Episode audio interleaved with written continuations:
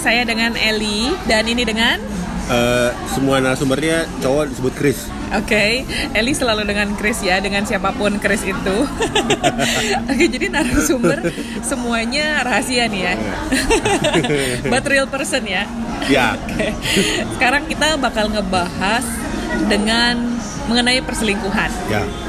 Oke, Eh, selingkuh itu kan pasti sesuatu yang orang nggak suka atau minimal mereka tidak menikmati ketika diselingkuhi. Nah, kalau selingkuh orang suka, Nah. diselingkuhin itu orang nggak suka. Nah, masalahnya kalau misalnya saya suka selingkuh, kalau Chris suka selingkuh, Enggak, oke. Tapi kalau main game termasuk selingkuh. enggak main game namanya. Oke, jadi eh, teman-teman pasti tahu kalau misalnya dalam jangankan kita deh yang udah dewasa gitu ya. Dewasa kalau saya remaja, kalau Chris kan udah tua. nah, dari zaman kita sekolah aja, SD kelas 5 mungkin. Itu udah ada ya cemburu-cemburu gitu. Terus teman-teman ada yang pacaran, ada yang udah mulai eh, putus sebelum putus udah pacaran dulu sama yang lain gitu. Nah kita banyak yang nggak suka ya karena sisi yang biasanya dicurhatin ke saya adalah sisi yang diselingkuhi. nah gimana nih dari Oke. sisi yang sudah diselingkuhi? Bentar dulu. Oh.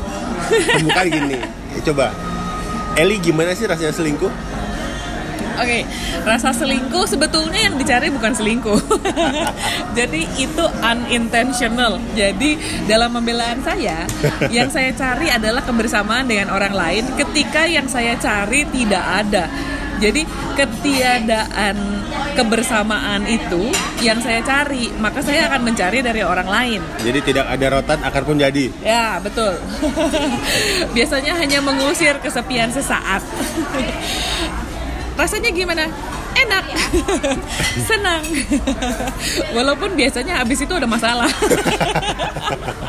Tapi itulah hidup kan, kita selalu mencari masalah, menyelesaikan dan membuat masalah kembali. nah, Chris yang sudah pernah diselingkuhin dan dia mengklaim dirinya tidak pernah selingkuh, gimana tuh rasanya tuh diselingkuhin? Pedes. Ya, coba lebih deskriptif dari itu ya. Eh, waktu awal-awal rasanya sakit, sakit sekali, kesel gitu, pengen marah. Nah, Jangan dibanting Pak mejanya. nah, tapi setelah kita bisa melalui itu, terus kita mulai memilih pemikiran-pemikiran yang lebih dewasa dari sebelumnya, eh, saya mulai mikir eh, justru kerjaan aku tuh dibantu dengan selingkuhan. Maksudnya gimana tuh? Jadi waktu aku tuh nggak ada untuk pasangan aku, itu ada selingkuhannya yang mengcover kerjaan gue. Misal eh, untuk ngajak makan, kan gue nggak bisa nih. Nah jadi ada selingkuhannya pasangan gue yang ngajak makan pasangan gue, yang ba- yang bayarin, yang jagain, yang nyupirin, yang jemput. Nggak bisa nih maksudnya nggak punya duit. jadi gue juga jadi gue lagi ada di mana gitu sampai gue tuh nggak bisa ngajak makan eh, pasangan gue nggak bisa ngajak nonton terus nggak bisa jadi tong sampah curhatnya eh, cewek gue nah justru dengan cewek gue punya selingkuhan jadi kalau dia mau curhat terus gue nggak mau denger dia bakal curhat ke selingkuhannya ini ini satu hal yang kita perlu perhatikan ya. Orang yang merasa diselingkuhi terus dan tidak pernah selingkuh, dia punya pembelaan nomor satu. Dia merasa relationship adalah pekerjaan. nomor dua, dia merasa bahwa dia adalah tong sampah. semua cowok begitu soalnya kalau ceweknya lagi stres kalau ceweknya itu lagi banyak unek-uneknya semuanya curhat ke gue kan? Nah kan eh, terus apa kan males ya kalau jadi kalau jadi tong sampah terus nah dengan dia punya selingkuhan jadinya kalau cewek gue lagi stres stresnya ke dia nanti kalau dia udah happy baru gue ajak main Jadi dia menganalogikan uh, relationship yang sakral itu jadi pekerjaan dan tong sampah. bagus Chris, bagus.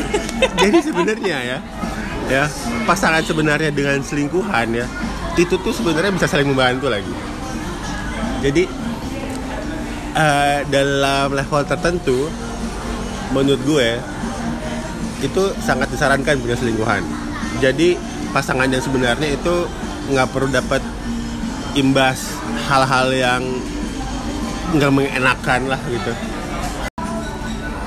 Nah, kalau misalnya nih ceweknya lagi rese atau cowok lah ya, sebetulnya bisa applicable ke dua sisi ya, baik ceweknya lagi rese atau cowoknya yang lagi rese.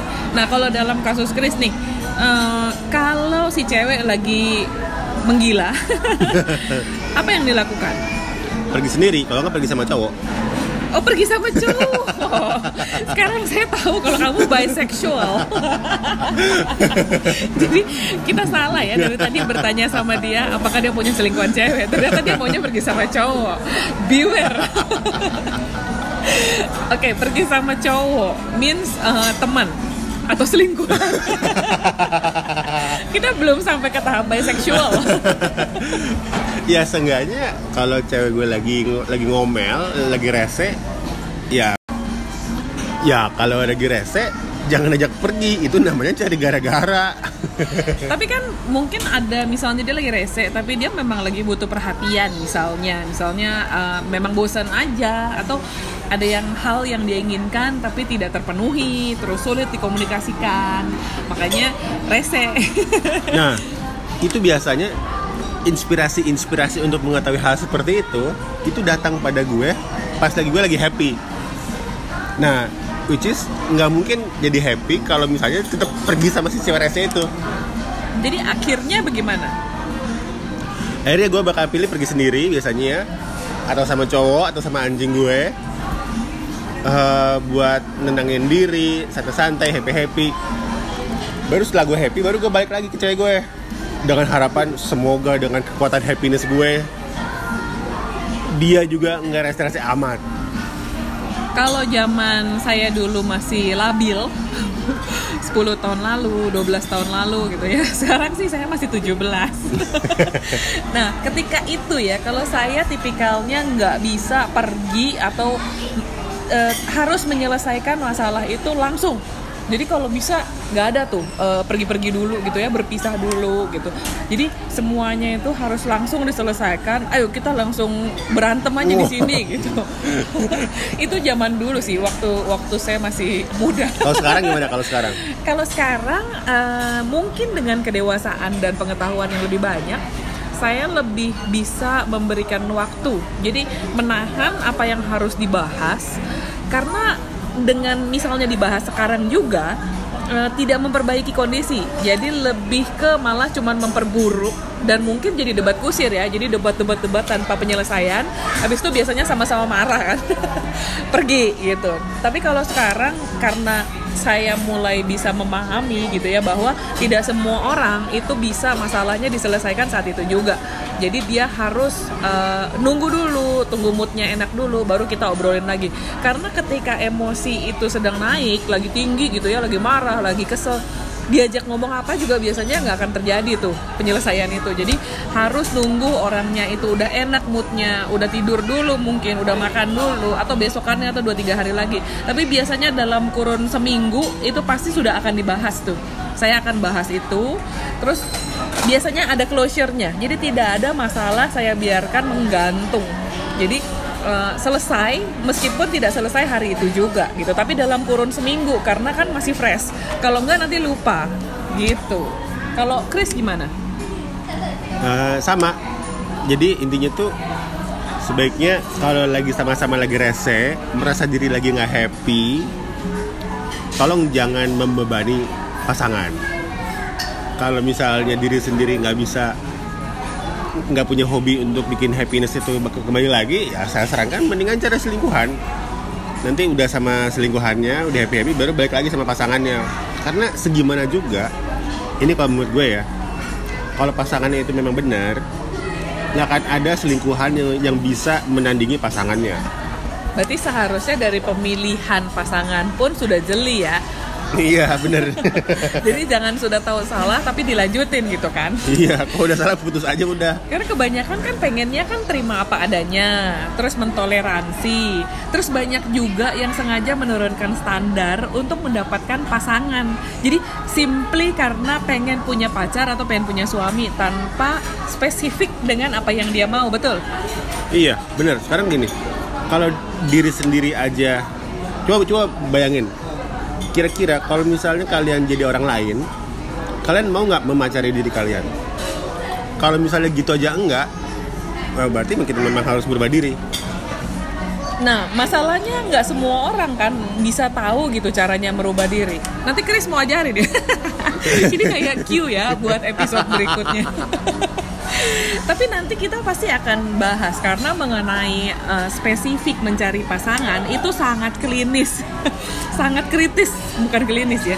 Tapi uh, karena nggak semua orang itu pernah membuat list bagaimana sih pasangan dia yang yang paling ideal ya, karena uh, mereka akan tenggelam ke dalam uh, tekanan dari masyarakat untuk punya pasangan, punya anak, punya keluarga, punya kawinnya kapan gitu ya. Uh, jadi mereka terburu-buru dan ketika terburu-buru akhirnya kebanyakan salah pilih. Hmm. makanya habis itu karena salah pilih maka terjadi selingkuh. Jadi awalnya sebetulnya adalah dari lu lu lu, lu. bener, oh bener bener adalah dari uh, ketidakpuasan ya dan keterburu-buruan bukan? Iya.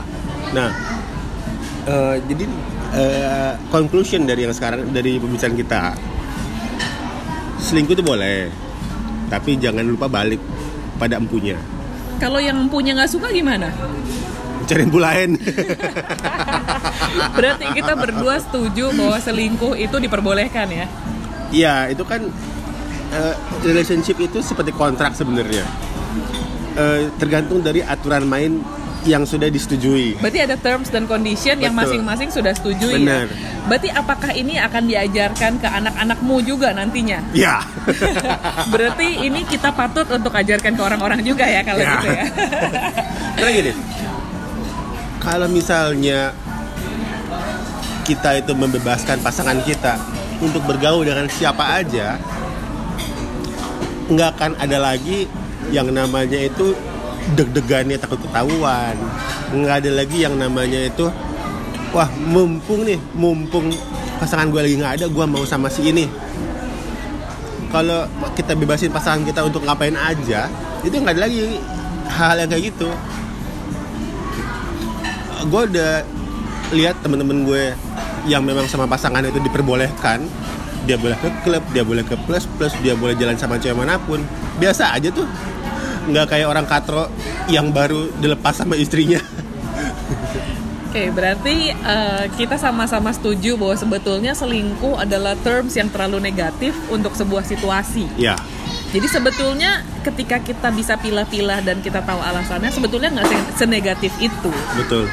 Oke, nanti kita akan bahas yang lain lagi uh, mengenai perselingkuhan. Kita akan tutup sampai di sini dulu ya, supaya tidak terlalu mendalam gitu. Nanti ada yang menangis di pojokan.